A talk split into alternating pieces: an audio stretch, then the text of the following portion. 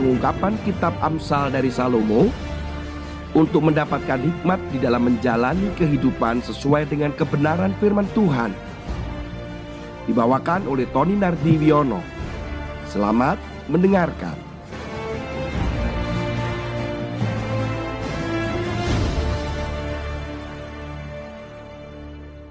Shalom Bapak Ibu sekalian. Kita sekarang masuk di dalam sebuah pasal yang baru. Pada Amsal, kita akan mulai pada Amsal yang ke-8.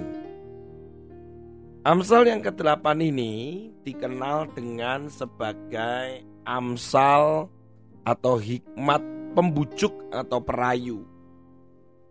Dan personifikasinya adalah seperti seorang guru perempuan yang sedang memberikan nasihat kepada murid-muridnya.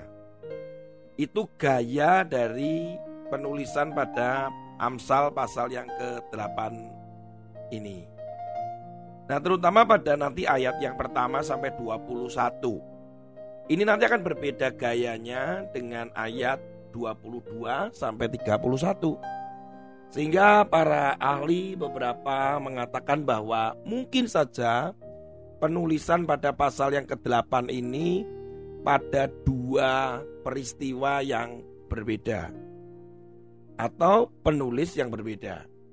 Yang jelas bahwa dari gaya warnanya ada perbedaan dari ayat 1 sampai 21 kemudian 22 sampai 31. Apa pun yang sedang kita ketahui saat ini dan ini menjadi pengetahuan kita tentang Amsal pasal yang ke-8, tetap kita belajar tentang apa yang dituliskan oleh Amsal. Bagaimana gayanya tentang seperti seorang guru perempuan, tetap saja kita mengarah pada murid, yaitu kita adalah murid untuk belajar. Kita akan buka di dalam Amsal pasal yang ke-8 ayat 1 sampai dengan ke-4. Bukankah hikmat berseru-seru dan kepandaian memperdengarkan suaranya di atas tempat-tempat yang tinggi, di tepi jalan, di persimpangan jalan-jalan, di sanalah ia berdiri, di samping pintu-pintu gerbang, di depan kota pada jalan masuk ia berseru dengan nyaring. Saudara, ini adalah gambaran bagaimana sebenarnya hikmat itu atau firman Tuhan itu ada di mana-mana. Bahkan di tempat yang paling ramai pun. Orang akan tetap berusaha dan terus dengan cara yang ajaib menyebarkan kebenaran firman Tuhan. Dan bersyukur Tuhan menolong dengan cara yang ajaib pula. Bagaimana menyebarkan firman Tuhan dan kebenaran. Kisah bagaimana saudara-saudara kita yang di Korea Selatan misalnya, mereka berusaha untuk supaya saudaranya yang ada di Korea Utara, yang notabene mereka dilarang untuk mereka menjadi pengikut Kristus, mengerti tentang kebenaran firman Tuhan. Usaha mereka, rekan-rekan saudara kita di Korea Selatan adalah menerbangkan Alkitab, traktat, ataupun tulisan-tulisan dengan balon-balon yang kemudian diharapkan akan meletus atau akan terjatuh di Korea Utara untuk bisa didapatkan, diterima, dibaca. Banyak caranya. Kita melihat bagaimana Alkitab sendiri diterjemahkan dari berbagai bahasa dengan pengorbanan para penterjemah yang harus akhirnya kehilangan nyawanya, dihukum gantung, dibakar, disiksa, hanya punya kerinduan supaya kebenaran firman Tuhan itu yang adalah di dalamnya ada hikmat didengar, dipahami, direnungkan oleh banyak orang. Juga terbukti bahwa Alkitab kita yang kita baca ini adalah buku yang terlaris dalam sepanjang sejarah. Itu tidak bisa dipungkiri. Saudara, firman itu yang adalah hikmat ada di mana-mana. Peluang juga demikian. Kita mendengarkan dengan cara yang sekarang lebih efektif, lebih mudah, yang sulit membaca tulisan kecil bisa mendengarkan lewat radio, lewat rekaman MP3. Atau mungkin yang males dalam arti membaca Alkitab karena katanya tulisannya kecil, halamannya tebal. Bisa sekarang dengan menggunakan YouTube untuk melihat dengan skema-skema atau diagram yang sangat sederhana mudah dimengerti. Banyak hamba Tuhan yang menyampaikan firman Tuhan dengan cara yang juga luar biasa, yang kreatif, dan mudah dimengerti. Literatur bisa jadi e-book secara digital ataupun memang literatur yang sudah ada di mana-mana. Jadi sebenarnya untuk tidak membaca Alkitab atau firman Tuhan sebenarnya tidak ada alasan. Ketika kita mengatakan bahwa Wah, aku, uh, saya nggak bisa baca, tulisannya terlalu kecil. Jujur saja bahwa sebenarnya malas, enggan. Itu untuk membaca firman Tuhan. Dari ayat 1 sampai ayat 4 yang pertama kita belajar adalah ayo kita jangan sampai beralasan atau kita kemudian mencoba untuk membenarkan diri kita dengan kita tidak membaca Alkitab itu. Saudara, tumbuhkanlah motivasi terus yang kuat dari dalam diri saudara supaya tetap saudara bisa merenungkan firman Tuhan siang dan malam. Karena keuntungan itu akan ada pada diri saudara dan saya. Bukankah demikian yang dikatakan di dalam Mazmur pasal yang pertama? Saudara, hal yang kedua yang saya akan sampaikan kepada saudara adalah sebenarnya berbicara hikmat yang berseru-seru dan kepandaian dan memperdengarkan suaranya itu ini berbicara calling. Artinya kita ini dipanggil.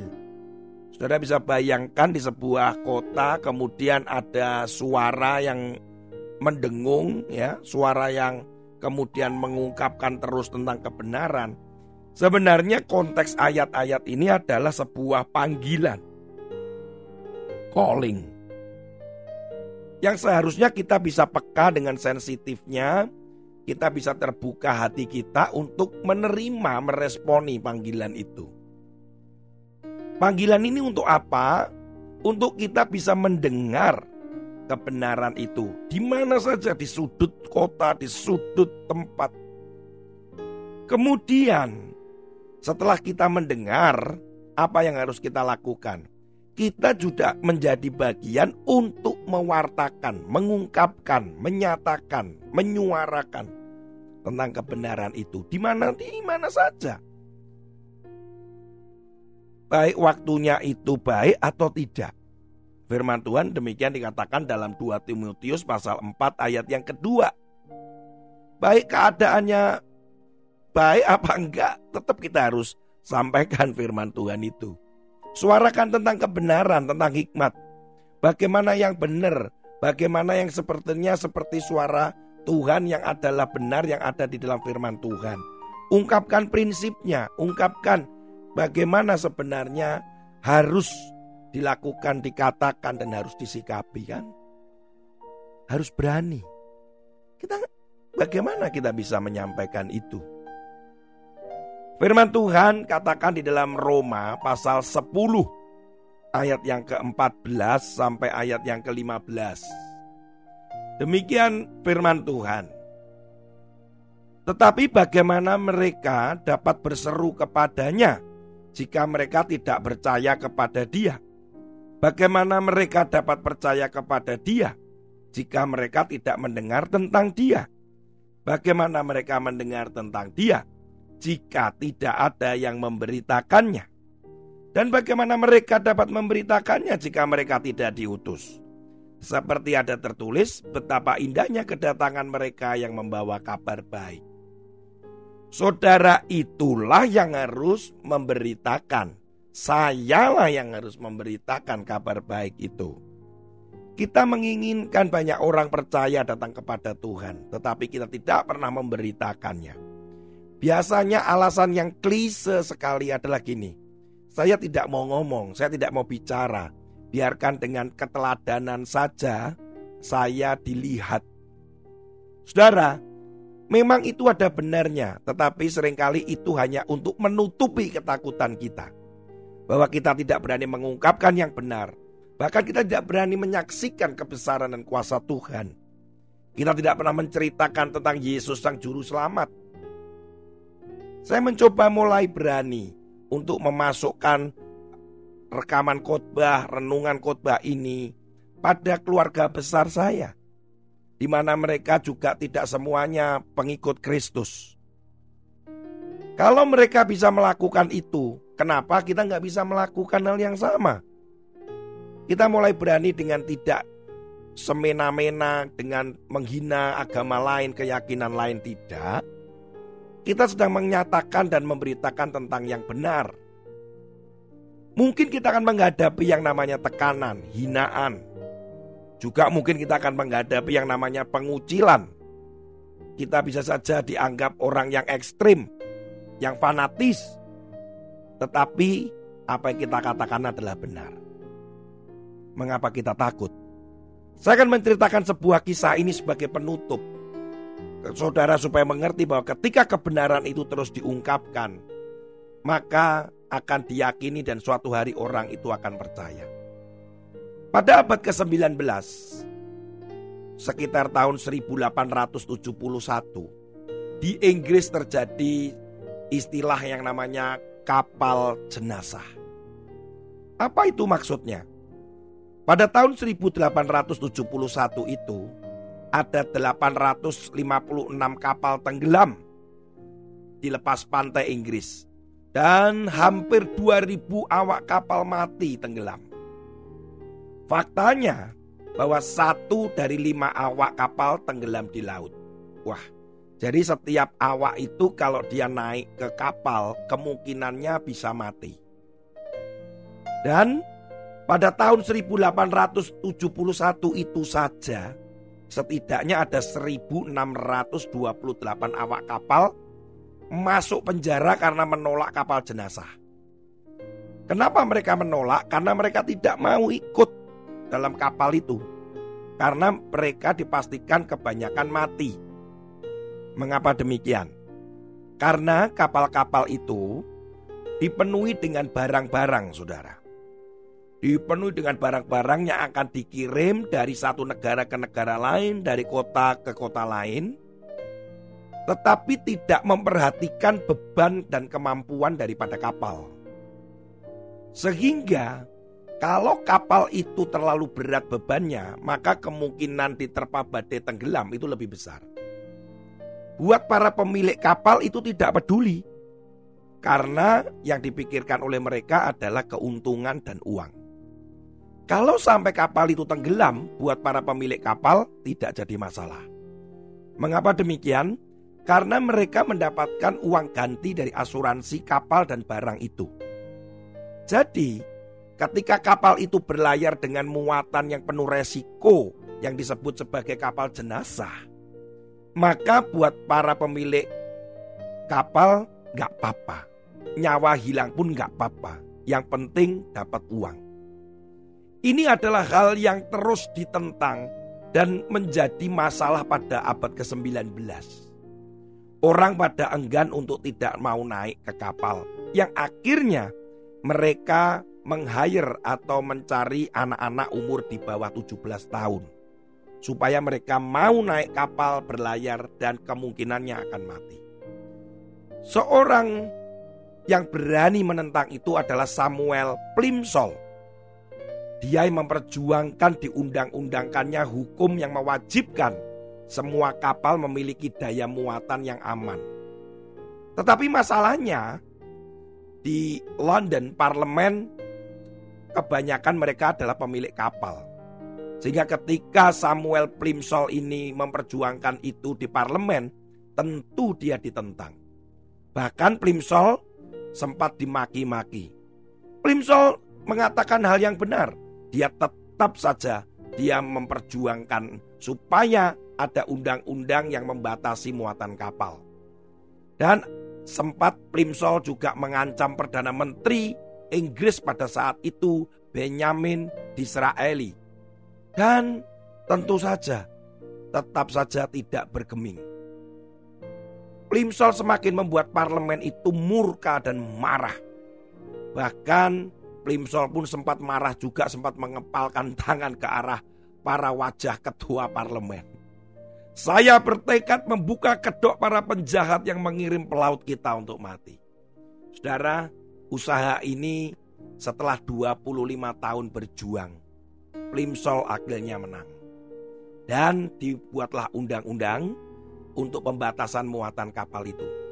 Dan yang lebih fenomenal atau bersejarah adalah setiap kapal ternyata ada garis yaitu disebut garis Plimsoll, nama daripada Samuel Plimsoll. Ada disebut garis Plimsoll yang mana garis itu menunjukkan batas muatan seberapa boleh muatan itu beratnya diangkut. Kalau sudah melebihi garis plimsoll, maka tidak diizinkan untuk berlayar atau harus mengurangi muatan. Saudara, plimsoll terus mengatakan hal yang benar supaya semua orang percaya. Saat itu kemudian parlemen percaya, semua orang percaya. Saudara, Tony Benn mengatakan dia menurut pengalamannya adalah begini. Biasanya gagasan awal itu diabaikan sama sekali. Tapi ketika kita bersikeras dengan gagasan itu, mereka akan menganggap kita ini gila, mungkin bahkan sangat berbahaya. Tetapi ketika terus diusahakan terus, maka ketika gagasan itu diakui, maka mereka akan mengatakan, "Wah, percaya nih gagasan ini bagus." Semua orang akan mengklaim itu sudah dipikirkannya. Saudara, kalau kita mengatakan hal yang tentang benar, tentang hikmat, mungkin kita akan diabaikan. Tapi tahap berikutnya, bahkan mungkin kita dianggap orang yang berbahaya dan dianggap orang yang gila. Tetapi berikutnya kita tetap bersikeras kita mengatakan yang benar. Dan ketika itu terbukti karena firman itu adalah ya dan amin. Maka orang-orang akan mempercayainya. Dan sampai-sampai mereka akan berkata, oh aku sudah memikirkan itu. Aku juga pernah berpikir seperti itu. Saudara apa pun, tapi beranilah kita mengungkapkan yang benar. Karena kita dipanggil untuk melakukan itu. Tuhan Yesus memberkati saudara. Amin.